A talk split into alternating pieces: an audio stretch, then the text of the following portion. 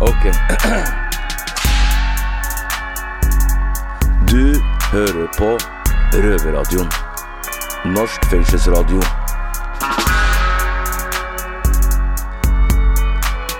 Bli med inn. I dag starter vi i Oslo fengsel.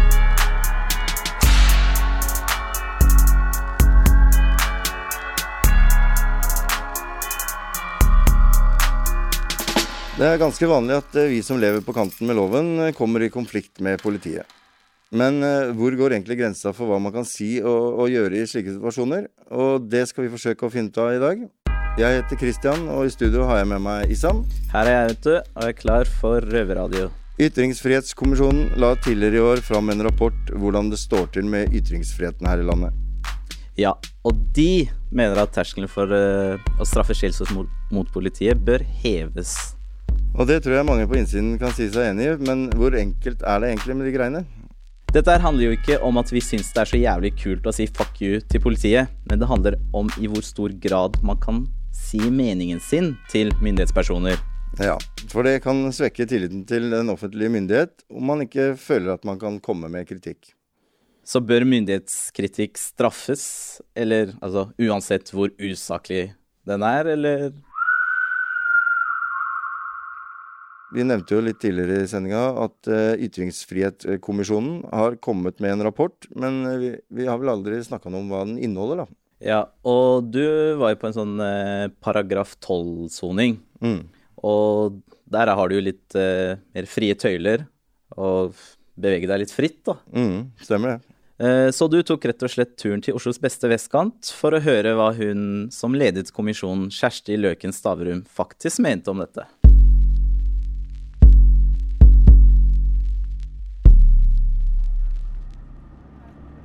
Hei, det er Røver-Kristian her. Jeg er i Drammensveien 99, hvor Aschhaug forlag har 150-årsjubileum.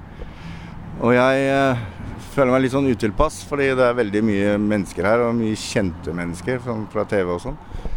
Så jeg eh, tenkte, for jeg er jo ytringsfrihetens dag på Aschhaug, og jeg tenkte jeg skal nå prøve å finne noen å snakke med.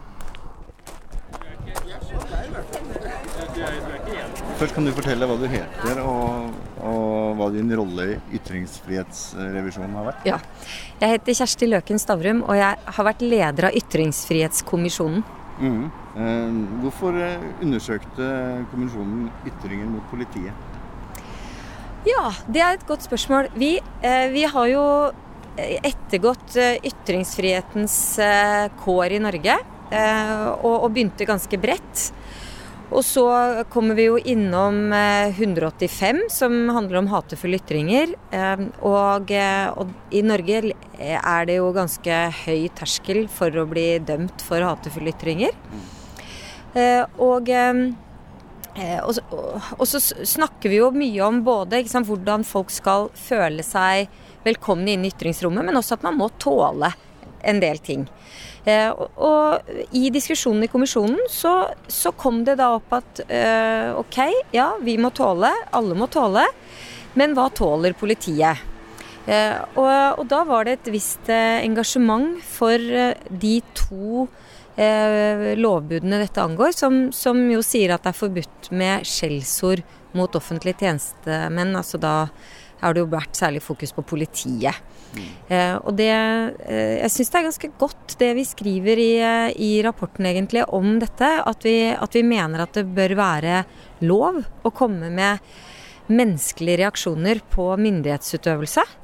Eh, og, eh, og, at det derfor bør eh, vi, vi fjerne forbudet mot skjellsord.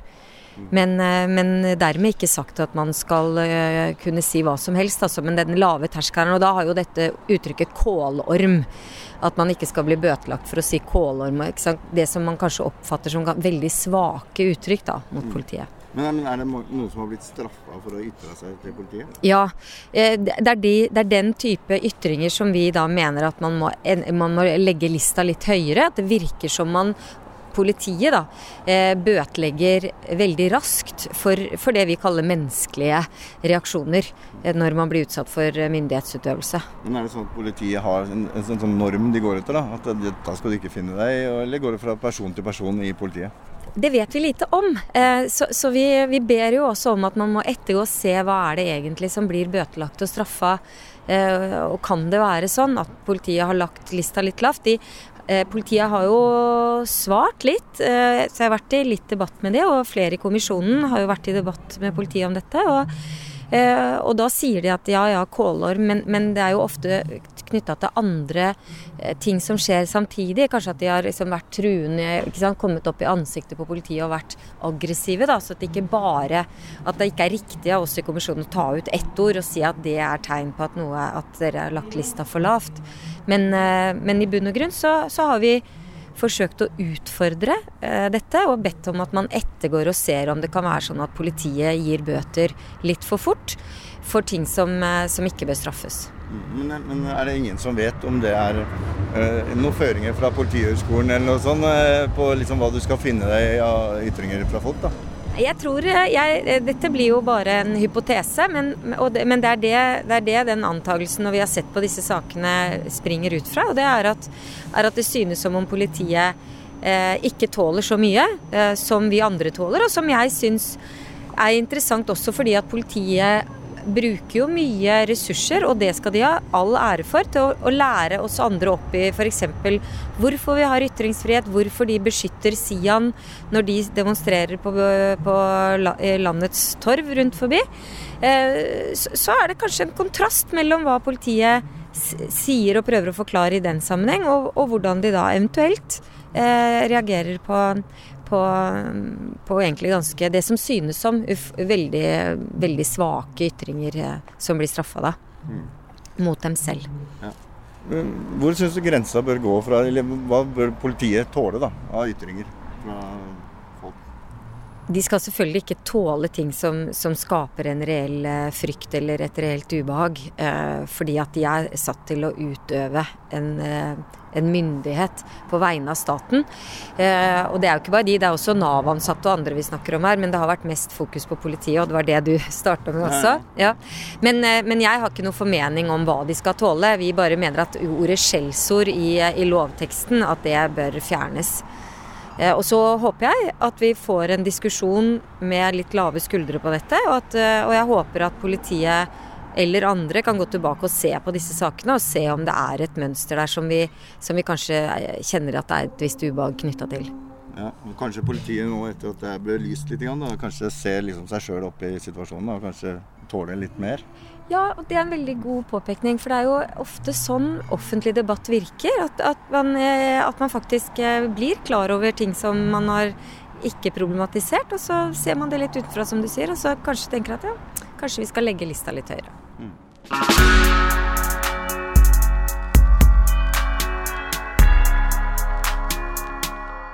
Eh, vi hører jo her at Kjersti Løken Stavrum nevner kålorm. Eh, er det noen som har blitt dømt for å si kålorm til politiet? Det er faktisk artig at du spør, fordi jeg har faktisk funnet fram eh, den dommen. Ja. Så jeg kan jo godt lese den. Ja, få høre.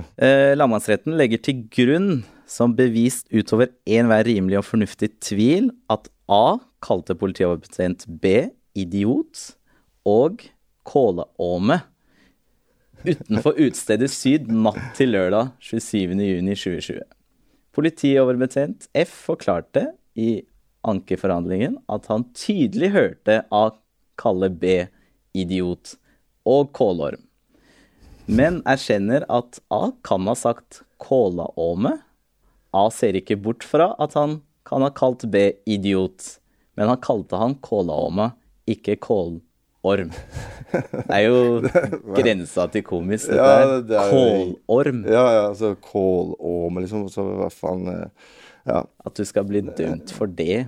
Eh, litt sensitivt. Ja, ja altså, altså kålåme eller kålorm, liksom. Så skal man bruke tid å diskutere uh, Ja, nei, det skjønner jeg ikke.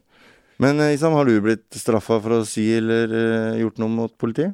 Nei, det har jeg faktisk ikke blitt. Så, men uh, etter å ha lest disse dommene og sånn, så tenker jeg at jeg ikke har vært langt unna. Ja. Eller Veldig nære uten å helt skjønne det. veldig, veldig nære uten å vite det. Uviten. Mm. Så Men uh, ja. Det er ikke så mye som skal til, da, for vi fant jo fram noen ord her. Ja. Det er litt artige ord å få forelegg for, som de pleier å kalle det. ja, sånn brødhue, hestkukk, kålhue. Kålhue, Altså, den, ja. den eh, Altså, det er jo ikke stygge ord Brødhue skal bli dømt ja. for å ha kalt noen et brødhue. Mm. Det Da er du veldig hårsår, altså. Lav eh, terskel og ja, Det går ikke an. Nei. Eh, Men hva sier den eh, røde boka, altså Norges lover om dette? Vi har jo straffelov paragraf 156, eh, og den handler jo om dette. Kapittel 19, altså vern av offentlig myndighet og tilliten til den. Ja, riktig. Eh, og, og ifølge Lovdata heter det punktet 'hindring av offentlig tjenestemann', og så er det andre ledd, da, som er et underpunkt av dette. Og der står det Den som ved skjellsord eller annen utilbørlig atferd forulemper en offentlig tjenestemann under eller på grunn av utføring av tjeneste, straffes med bot, står det her. Men eh, i hva slags situasjon kan politiet finne på å anmelde, da? Vi nevnte jo noen skjellsord i stad, og vi dro bl.a. fram hestkukk, Ja, som uh, er henta fra nord, selvfølgelig. Eh, men det som var litt spesielt med den saken der, det var at det var en finger med den setningen der. Ja, fordi han hadde vist fingeren til politiet i tillegg til å kalle den for hæskuk. Ja. Så de hadde lagt eh, veldig vekt på det, da. Ja, med fingeren, ja. Ja, med fingeren. Ja, ja. Og uh, i sommer så var det vel Ja, det var vel en del som ble anmeldt for å vise fingeren til politiet. Mm. Så det er en greie med den derre fingeren, da. Men at det kanskje er greit i nord, da. Ja. Men eh, hvis du har en finger ved siden av, så Da blir det forelegg. Ja. altså, alt dette her eh, høres jo veldig drøyt ut. Um, men det merkelige med hele greia er at Høyesterett allerede på 1980-tallet slo fast at det ikke er straffbart å vise fingeren til politiet. Herresretten sa den gang at vedkommende måtte ha lovlig adgang til å gi uttrykk for, da det ikke ble tatt sterkere uttrykksformer i bruk. Ja, riktig.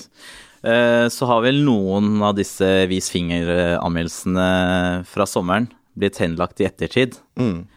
Men eh, mye av skaden er jo allerede skjedd, fordi du har jo blitt anmeldt fordi du har vist fingeren til politiet. Og sikkert vært i avhør, og du veit Ja, alt det som hører til. Så du har allerede blitt altså, tatt inn og fått et forelegg i posten, eller hva enn det er. Da. Så, ja, ja, eller, hvis brev du har, fra politiet og ja, og hvis du har nekta det forelegget, så må du møte opp i retten. Og, men, ja, men så har det blitt henlagt så, av en eller annen grunn, da. Mm.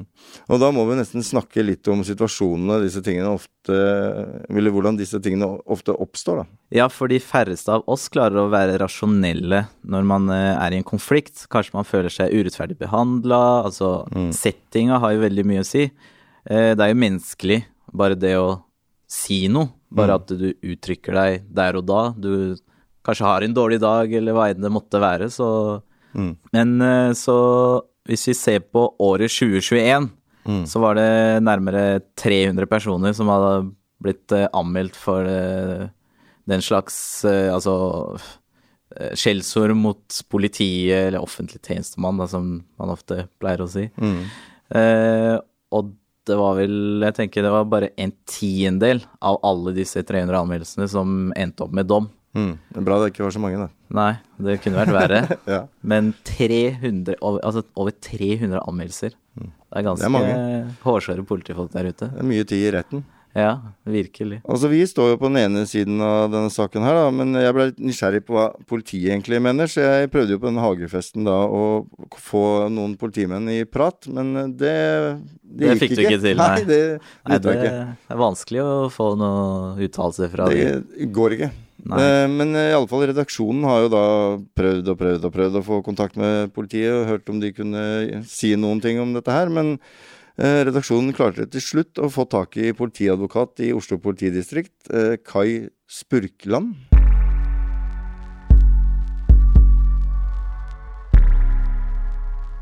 Ja, i dag i studio har vi besøk fra den andre siden. Jeg heter Nina, og jeg vil ønske deg velkommen, Kai Spurkland. Kan du fortelle hvem er du? Takk eh, takk for invitasjonen. Først, ja, Jeg heter Kai Spurkland og jobber som politiadvokat i eh, Oslo politidistrikt. og har jobba en del med sånn ytringsfrihetsspørsmål i eh, politiet. En del om sånn hatkriminalitet og hva som er lov å si og ikke si, og en del om, om sånn demonstrasjonsfrihet og, og Sian og nordiske motstandsbevegelsen og alle de som sier ting som er upopulært. Det skaper alltid litt sånn ugreier for politiet, og jeg som jobba i det feltet der en stund, da. Ja, i forhold til det du akkurat sa der om Sian og sånn, vi syns jo dere gjør et uh, bra stykke ytringsfrihetsarbeid der med å beskytte absolutt ytringsfriheten. Hvorfor strekker ikke den seg like langt når det gjelder uh, hva man kan si til politiet? Ja, det er jo litt av det som er, er temaet, hvor langt den egentlig strekker seg. Uh, og det du sikter til, er jo at uh, denne ytringsfrihetskommisjonen, som, som, leverte sin rapport for ikke så veldig lenge siden, de var jo litt kritisk mot den praksisen rundt den bestemmelsen som sier at det er forbudt å forulempe offentlig tjenestemann. Og så vurderte de den i et sånn ytringsfrihetsperspektiv og sa at her er, her er terskelen lav. Mm. Politi er makta. Og det å kritisere makta, det er liksom noe av kjernen i ytringsfriheten. Ikke sant? Så hvis du blir dømt for å kalle politiet kålorm, eh, som var et av de eksemplene de trakk fram, så er ikke ting nødvendigvis sånn de skal være.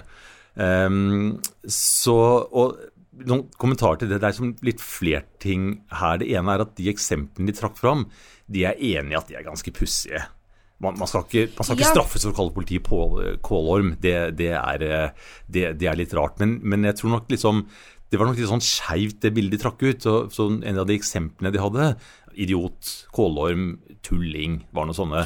Nå har jo jeg lest f.eks. den der Kålorm-dommen, ja. og der framgår jo at det var jo ikke kun akkurat det som var problemet. Det var jo oppførselen hans for øvrig han også blei dømt for, for han blei jo dømt for flere forhold i den sammenhengen. Ja. Men når man da fra politiets side i tillegg slenger på Kålorm-bestemmelsen der, og dømmeren for uh, fornærmende uttrykk i tillegg, er ikke det litt som å sparke på en som allerede ligger nede?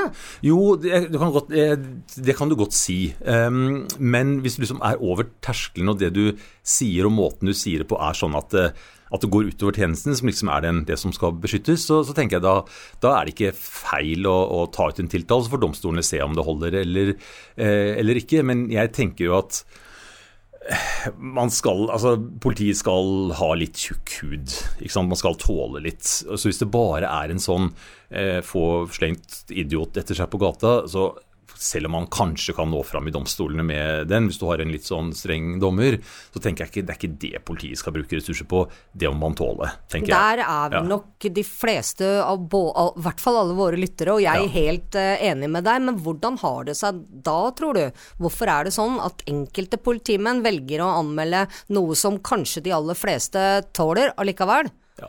Det, er, det, er, ikke så lett å svare på, men politifolk er forskjellige som alle, alle er forskjellige.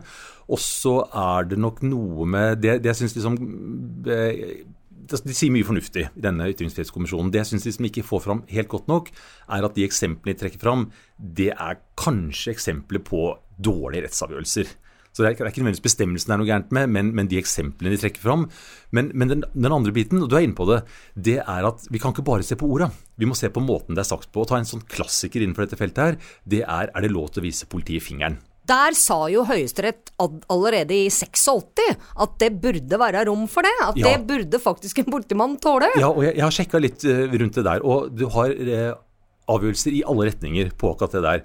Men der er det litt sånn Men det var HD, HR da, i 86 som sa det? Ja, det, jeg husker bare vagt den avgjørelsen, mm. så jeg husker akkurat hva den Men greia er ikke akkurat altså det, det er ikke akkurat det å vise fingeren, for det betyr jo altså Hva betyr det egentlig? Det betyr dra til helvete. Liksom, det betyr at man er misfornøyd med situasjonen, kan ja, du si, mer eller mindre. Ja. Det, ja. og, liksom, og hvor, så hvor grovt det er, er litt sånn, det er, det er negativt, det er jeg enig om, men er det ille nok? Og da tenker jeg at det er forskjell på de tilfellene hvis du, hvis du ikke liker purken, og så kjører en politibil forbi, og så strekker du fingeren i været bare for å si fra vet du hva, dere er ikke mine, mine venner. Det tenker jeg som utgangspunkt bør være greit, det må politiet tåle. Men den varianten hvor du på en måte stikker fingeren mer eller mindre opp i nesa på ja, folk Ja, men da er vi der. Du ja. stikker den mer eller mindre. Da er det jo handlingen som jeg syns skal straffes, ja. og ikke ikke nødvendigvis ordet eller akkurat fingerflippen-ytringen. Ja. Og uh, som leder i Ytringsfrihetskommisjonen, Kjersti Stavrum, sier da så um, sier hun at de, dere burde tåle det som um, er menneskelige reaksjoner på myndighetsutøvelse. For faktum er jo at politiet møter jo mennesker i veldig utsatte situasjoner. De møter jo gjerne folk på deres aller verste dag, hvor de kanskje mister både frihet, omsorg om barn, eh, hjemmet sitt, jobben sin. Hvis vi nå tok bort den eh, med den fornærmende uh, effekten der, da, ja. som er det vi egentlig mener burde bort, og som, uh, som uh, kommisjonen også mener at man burde debattere Hvis man tok bort den, så ville jo fremdeles eh, uakseptabel atferd dekkes av andre bestemmelser i straffeloven. Hvorfor behøver vi overhodet en fornærmende paragraf i forhold til dere, når ingen andre er beskytta på den måten? Og hvor blir det av ytringsfriheten i den sammenhengen? Ja, altså det er ikke, det er ikke helt eh, Det, blir litt, litt unyansert, fordi um, den, den bestemmelsen den verner jo også Altså Den eh, verner, eller den straffer både det du sier og måten du sier det på. Jeg fant en avgjørelse rett før vi kom hit hvor en var blitt dømt for å geipe og gjøre grimaser. Hadde ikke sagt et ord. Og bare var sånn der øh, geipe, liksom bare var sånn ordentlig avtale. Det er jo igjen bare en ytring, det, ja, også. da. Det er, det er jo ikke noe som skader verken tjenesteutøvelse eller offentlig Nei. sikkerhet eller ingenting. Mm. Jeg... Men, men, det er, liksom, en, en, sånn dimensjon som, som må inn her. og Det er liksom forskjellen på altså det vernet en politimann eller andre eh, offentlige tjenestepersoner har, og det vanlige folk har. Og Det er ofte litt sånn parallelle bestemmelser. Men hvis du, hvis du drar til med flat hånd en vanlig person i taxikøen, da får du en bot. Den svir, den boten, men det blir ikke noe fengsel. Men drar du til en politimann med flat hånd, så blir det plutselig ja, sånn fort ubetydelig. Ja. ja. Og det handler jo ikke om at politimannen Hans Hansen som person har noe mer vern enn en annen vilkårlig person i en taxikø, men det handler om at Politiet som etat. Jobb, politijobben. Ja. Og det handler jo både om liksom, Det blir litt sånn respekt for politiet. og Jeg syns det er litt gammeldags å snakke om liksom, sånn den Man skal ha liksom sånn, litt sånn blind respekt for politiet. Men det handler, jeg syns at disse sakene burde vært mer fokusert eh, mot det om ikke respekten for politiet som, som liksom en autoritet, men om politiet får gjort jobben sin. Og det man ser i en del tilfeller, er at når folk begynner å ase seg opp mot politiet, så blir det veldig, veldig vanskelig å få gjort, eh, komme til å gjort jobben sin. Og så får du ofte at ting drar seg opp, og det blir enda dårligere stemning. Og det betyr jo ja, det blir en dårligere dag på jobben for politi, det må du tåle. Men de som skal ha hjelp av politi, de får en Det er lenge vei fram til at de får hjelp fordi folk driver og setter seg opp mot politi. Så det er på en måte liksom, den interessen som blir skadelidende. Men da prater du om noe annet igjen. Da er, da er vi, det, det, det, går i ring, dette her nå. Altså, du prater om, om hele pakka, ja. mens jeg prater om akkurat bestemmelsen om fornærmende ytringer og det er ikke det samme som å, å forhindre politiets arbeid. Altså, vi sjekka opp eh, hvor mange anmeldelser som skjer innen kriminalomsorgen. Fordi kriminalomsorgsarbeidere, betjenter, ofte gjør mye av det samme som politiet innen mm, sitt uh, distrikt. Veldig lokalt politi. Og KDI fortalte oss det at uh, de fører ikke engang statistikk over fornærmende ord. Det er kun vold og helt konkrete trusler, som jo er straffbare forhold i alle henseender, mm. uh, som, um, som de registrerer. Og de mente at fengselsbetjentene i større grad enn politiet har forståelse for at ordene som blir rettet mot dem, Eh, fra innsatte ikke er eh, personlige. De er eh, rettet mot situasjonen og er bare et uttrykk for frustrasjon. Mm. Er ikke det en, en lærdom for politiet å ta med seg herfra? Jo, og jeg, jeg, tror nok det, det, er helt sikkert en eh, altså Min opplevelse, altså det jeg ser av politifolk ute på gata, er at de fleste har, de er ganske tykkhuda på dette her og tåler De tåler ting som er gått over grensen for det straffbare, for det er ikke noe vits å lage sak av det. Han er sint, han er frustrert, han tar ut på oss, vi står der og representerer makta. Det må vi tåle.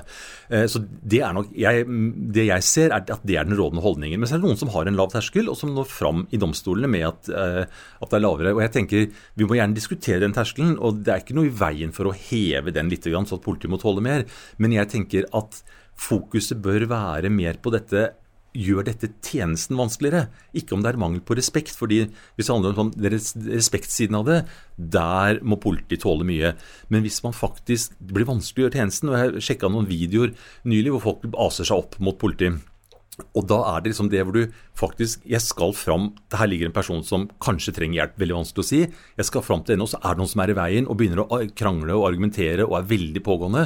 Da får ikke den personen oppfølging av politiet som man kan vente, og da ramler det noen andre. Da ramler det tjenesten, og mm. det bør være mer avgjørende. Så jeg tror på en måte at kanskje, kanskje bestemmelsen er litt for, mer, for mye retta inn mot ord, og kanskje er dommerne for, litt for fokusert på ord, og burde isteden se på hindrer man tjenesten her? Det er jo ikke så rart at disse stakkars dommerne våre er fokusert nettopp på ord, så lenge paragrafen nå står slik som han står. Ja. Hva er faren i å fjerne den? Dere har jo fremdeles mange andre paragrafer der som dekker akkurat det du sitter og beskriver nå. Altså, Vi har forskjellige grader av dette her. Vold og trusler mot politi, det, det, diskuterer man ikke så mye. For eksempel Hvis du truer med å ta livet av, eh, tenne på huset og ta livet av ungene til politifolk, eller begynner å sparke og slå, det, det er ikke greit. Det, det aksepterer de fleste. Så vi er sånn på den nedre delen delen av hva som er akseptabel eh, måte å oppføre seg mot, eh, mot politiet. Og, og, denne bestemmelsen som vi snakker om, 156 eh, hindring av offentlig tjenestemann, den beskriver jo på en måte sånn, de rent sånn fysiske hindringene, f.eks. det å, å, som står i, i, loven, og nekte noen adgang. Så Hvis politiet sier hei, vi skal inn her, vi skal ransake, vi skal sjekke, vi skal et eller annet sånn, og så nei, steller seg i døra og bare sånn nei, dere, dere slipper ikke forbi meg. Det er en sånn direkte hindring. Det er ikke vold, det er ikke trusler, men det er en hindring. Det omfattes. Men den beskriver jo også denne litt sånn indirekte hindringen som ligger i å på en måte skape ordentlig dårlig stemning når politiet skal gjøre jobben. Og det er jo litt sånn den problematikken som er ganske aktuell for tida.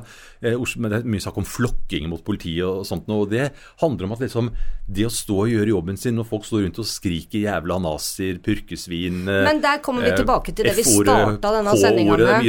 Det. Det gjør dere. Dere beskytter Sian når de står står og, og uttrykker helt klart hatefulle ytringer som faktisk finnes i, i straffeloven, eh, da er de beskytta av ytringsfriheten. Men et menneske som plutselig er slengt i bakken på sitt absolutt verste, på sin verste dag, får ikke lov å kalle deg for en idiot. Mm. Og jeg ser ikke helt hvorfor det skal være sånn. Mm. Jeg skjønner ikke. Men, men hvis, du på det, hvis du plutselig var utsatt for et eller annet, du er på en privat uh, fest, blir utsatt for noe som er helt ugreit, velger å ringe politiet. Jeg tipper at din terskel er litt høyere enn andres, men du velger å ringe politiet, for nå trenger du hjelp. Det, ja. Og så treffer politiet i gang oppgangen den vrange vaktmesteren. Du vet alle hvordan en skikkelig vrang vaktmester er. Og han begynner, og han har, og han har fått en fartsbot nylig og syns politiet er firkanta og vanskelige, og velger å ta hele den runden. Så politiet blir stående i trappa og akkordere med han. Det vil jo han... jeg kalle dårlig tjenesteutøvelse i så fall, og ikke, ikke jo, noe som står, Hvis han står i veien og begynner sånn der, dere, jeg, sånn der, sånn der, jeg trodde dere bare ute og fakket folk som uh, tilfeldigvis overså et seksterskilt, men uh, nei, kan, begynner Da sitter du der oppe og får ikke den hjelpen du skal ha, fordi det står noen og kverrer med politiet på en måte som minner tjenesten. Så jeg Min påstand da, er jo at ja. dere er beskytta av den lovteksten, mm. av hindring av offentlig tjenestemann, uansett om man tar bort skjellsordet. Ok, men, men, da koker det ned til denne, ja. denne sier jo, bare ta bestemmelsen, bare så vi rydder litt, den sier, bestemmelsen sier at det er ikke lov til å, å hindre, da snakker vi om fysisk hindring, stille seg i døra så politiet ikke kom forbi. Den tenker jeg er ikke så, den er en ganske grei bestemmelse. Og så har vi dette med, med skjellsord, og så har vi annen fornærmelig eh, oppførsel. Jeg tenker at eh, Og da tenker jeg, du fingeren, f.eks., eller? Hva? Ja, altså fingeren eller like mye form. Altså Du kan, du kan si du, du, kan godt si at du kan godt bli dømt etter denne bestemmelsen også på, eh, for noe som jeg tenker er riktig uten å bruke et eneste skjellsord. Hvis du står, hvis du går én centimeter opp i ja. trynet på politimannen, så skriker du 'hva faen gjør dere her', 'hvor var dere da jeg hadde, da jeg hadde innbrudd'? Hæ? Svar meg på det, ja. svar meg på det. Hvis du står og gjør det gjentatte ganger, så er det men, ikke noe skjellsord, kanskje. Men da skjønner jeg ikke motstand mot å fjerne akkurat det akkurat med skjellsord. Ja, Den er jeg med på. Kan, det ok, takk! Ja. Wow! Det tok meg ganske lang tid å komme dit. Dette her var eh, høydepunkt. Men, men, men, men, vi løser ikke problemet med å fjerne skjellsord. For da får du da, K og F og jævla eh, hore og alt det der, da, da, da vil ikke de automatisk føre dit. Men han som står og skriker uten å bruke et eneste skjellsord, men som bare står liksom opp i trynet til en ja, som kommer men, og skriver. Eh, Den vil likevel rammes, og det vil jo også føles kan ikke politi Men han som er dømt for geiping, da, står altså, og geiper og gjør grimaser og sånt, og den, den vil, han vil fortsatt bli dømt, selv om vi fjerner skjellsord. For ja. det er annen fornærmelig atferd. Så, så, er det sånn vi, Jeg er enig, skjellsord Vi må jo ha en grense et eller annet sted, absolutt, ja. men sånn grensa er lagt per i dag, så syns jeg, og mange med meg, og for øvrig, eh, hva heter det, Menneskerettskommisjonen, holdt jeg på å si, og mm. Ytringsfrihetskommisjonen, mener jeg, også også at dere har lagt eh, lista litt ja. for lavt. Men jeg er glad for at du tok deg tid til å komme hit og diskutere dette med oss.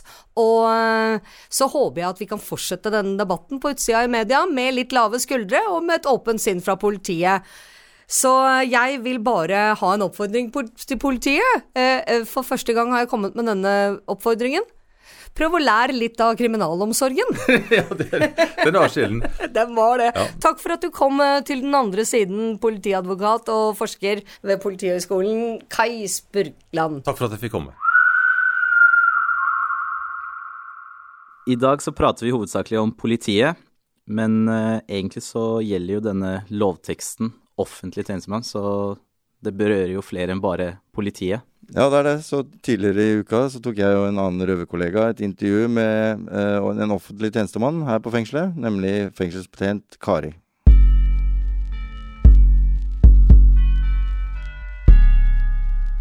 Jeg sitter her med røverkollega Reduan. Reduan. Ja, det er riktig. Hei. Og fengselsbetjent uh, Kari. Uh, I dag så har det vært mye snakk om uh, ytringsfrihet og hva politiet skal tåle å høre. men det fins jo også andre tjenestemenn som vi lurer litt på hva de hører, kanskje, og hva de finner seg i å høre. Og da kommer vi jo til deg, Kari. Ja. ja hvor lenge er det du har jobbet som fengselsbetjent, egentlig? Jeg begynte på fengselsskolen januar 2009. Mm. Og så har jeg vært i Oslo, da, eh, siden altså litt over elleve år, da. Mm. Elleve og et halvt år. Mm. Ja.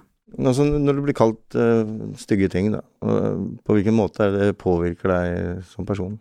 Uh, det Iblant påvirker det meg ikke i det hele tatt. Da kan jeg fint uh, distansere meg fra det. At jeg klarer å skille den aktuelle hendelsen fra mitt underliv. Mm. Fordi det er gjerne eh, Jeg mm. ser at de ikke har noe med det å gjøre, eh, men det er gjerne den slags kommentarer som kan komme likevel. Mm. Um, men uh, andre Jeg har opplevd å bli skikkelig skuffa over en som sto, og han uh, Han ble veldig stygg i munnen. Altså virkelig. Og han var Han hadde et sånt kroppsspråk hvor han liksom virkelig mente det, og jeg der og da var truende, liksom? Ja, ja. hevet stemmen og kom veldig nærme meg. Og, ikke sant? Mm. Så prøvde jeg å gjøre det jeg kunne for å få han litt ned, fordi jeg følte jeg kjente han veldig godt. Jeg følte vi hadde en veldig god relasjon, så jeg ble litt skuffa av at han skulle vise meg den der siden av seg selv, da. For mm. det, hadde, det hadde han holdt seg for god for tidligere. Det, han hadde ikke Eller han holdt seg for god. Han hadde i hvert fall ikke hatt det behovet overfor ja. meg tidligere. Ja. Mm. Eh, men han hadde Jeg var nødt til å gi han en litt eh, kjip beskjed, som ikke hadde noe med meg å gjøre, og det visste han. Mm. Og da, da, ble han rasende. Han mente jeg var dum som ikke forsto at han ikke kunne pakke på ti minutter. Jeg var litt sånn, jeg ble litt overraska, for jeg hadde jo allerede avtalt det. Mm. Mm. Eh, men han eh, Og hvor dum jeg var, og hvordan eh, jeg selvfølgelig blir en hore av det, og eh, Ja, altså, han eh, Han hadde også uttalt etterpå hadde jeg vært en mann, så hadde jeg vært ferdig. Mm. Ja, Det er ikke noe pent å si. Nei. Men Har folk kommet og bedt om unnskyldning etterpå? Ja, de fleste mm. gjør det. Mm. Så, det, så det, de, de, færreste har egentlig lyst til å si stygge ting og mene de. For vi mm. har sånn Jeg kan jo skjønne at man ønsker at man er sint og man sier stygge ting. Eh, men som regel så liksom mm, oppsøker jeg dem kanskje selv òg. For jeg, jeg har ikke noe lyst til at vi skal Jeg vil ikke at det skal være sånn mellom oss heller. Mm. Har det vært eh, situasjoner der du, noen har snakka veldig stygt til deg, sånn, og litt truende kanskje, hvor du kanskje har valgt å ikke si fra om det? Um, ja. Altså, det, et, det mennesket som står og er sint på deg, som uh, kaller deg da en uh, morapuler eller uh, hva det måtte være, mm. uh, har kanskje bare dager i forveien sittet og grått foran deg og hatt det vondt. Mm. og man har jo ikke noe lyst til å sparke noen som ligger nede. Er, du, eh, du, skjønner ofte at kommentarene kommer av et menneske som har det vondt. Mm. Det trenger ikke å være fordi eh, den situasjonen har gjort han så sint, men det er jo Du ser helheten. Man blir kjent med folk. Mm. Og eh, så det, det, også hever sikkert takhøyden noe, ikke sant. At man mm. vet hvem man har med å gjøre. Ja. Altså, politiet tror jeg nok hører en del Altså mye stygt. Mm. Jeg hører mye stygt om politiet her inne. Mm. Eh, så de har sikkert også litt behov for å sette ned foten de tilfellene de kan, når de har bevis, og det er helt sånn klinkende klart at ok, nå, nå, dette har vi faktisk. Mm. Han har sagt så mye stygt, så nå hadde vi det her. Mm. Eller Men syns du politiet skal finne seg i mindre enn det dere som betjenter gjør? Jeg vet ikke helt om de gjør det heller. Jeg vet ikke hvor mye de finner seg i. Nei, jeg tror de finner seg mindre enn dere. Ja. For det er jo altså, statistisk sett så tilbringer vi mye mer tid med dere Ja. enn det vi gjør med politiet. Sant? Så Ja, vi det er en stor forskjell der. Ja. Ja. Så det er klart at uh, kanskje vi Kanskje, hvis det er sånn, da, at vi at vi tåler mer, kanskje er det da at vi lar mer passere fordi man faktisk har en relasjon. At man skjønner at ok, nå var han sint. Mm. Dette kan vi ta Dette opp igjen om, en- ikke, kanskje, om en altså. time, eller Mm. i fire timer, eller i morgen, eller Mm. For stort sett så vil man jo skvære opp, og da kommer man jo enda tettere hverandre.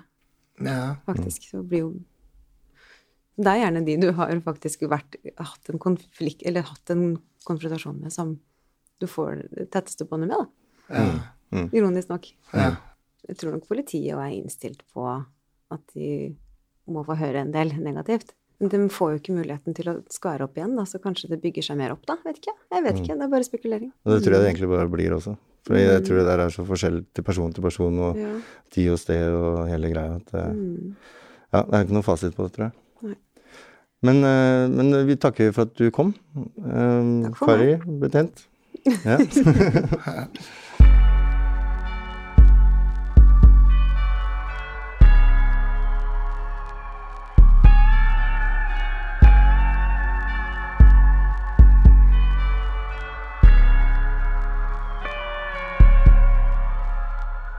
Så, men eh, hva tenker du om dette med, med politi og disse dommene som har kommet?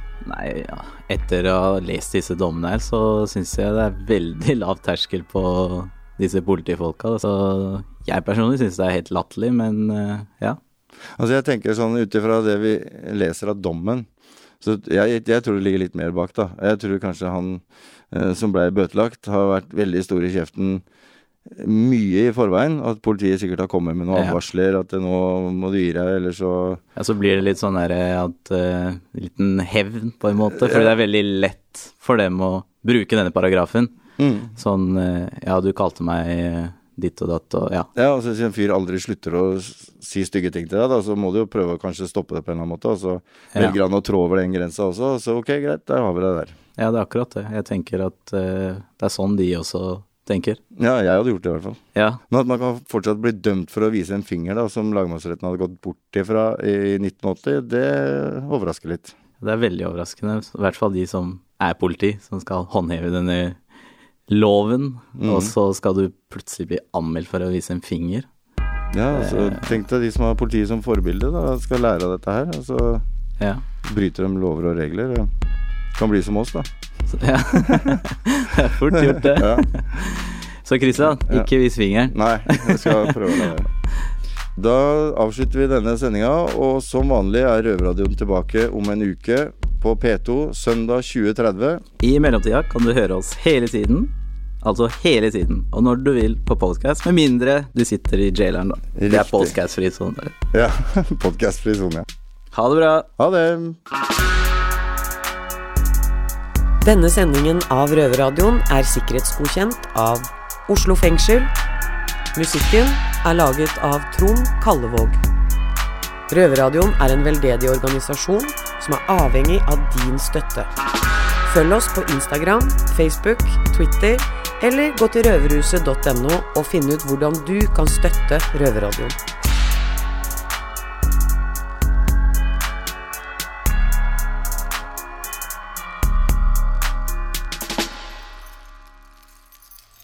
Denne sendingen er gjort mulig med støtte fra Fritt Ord.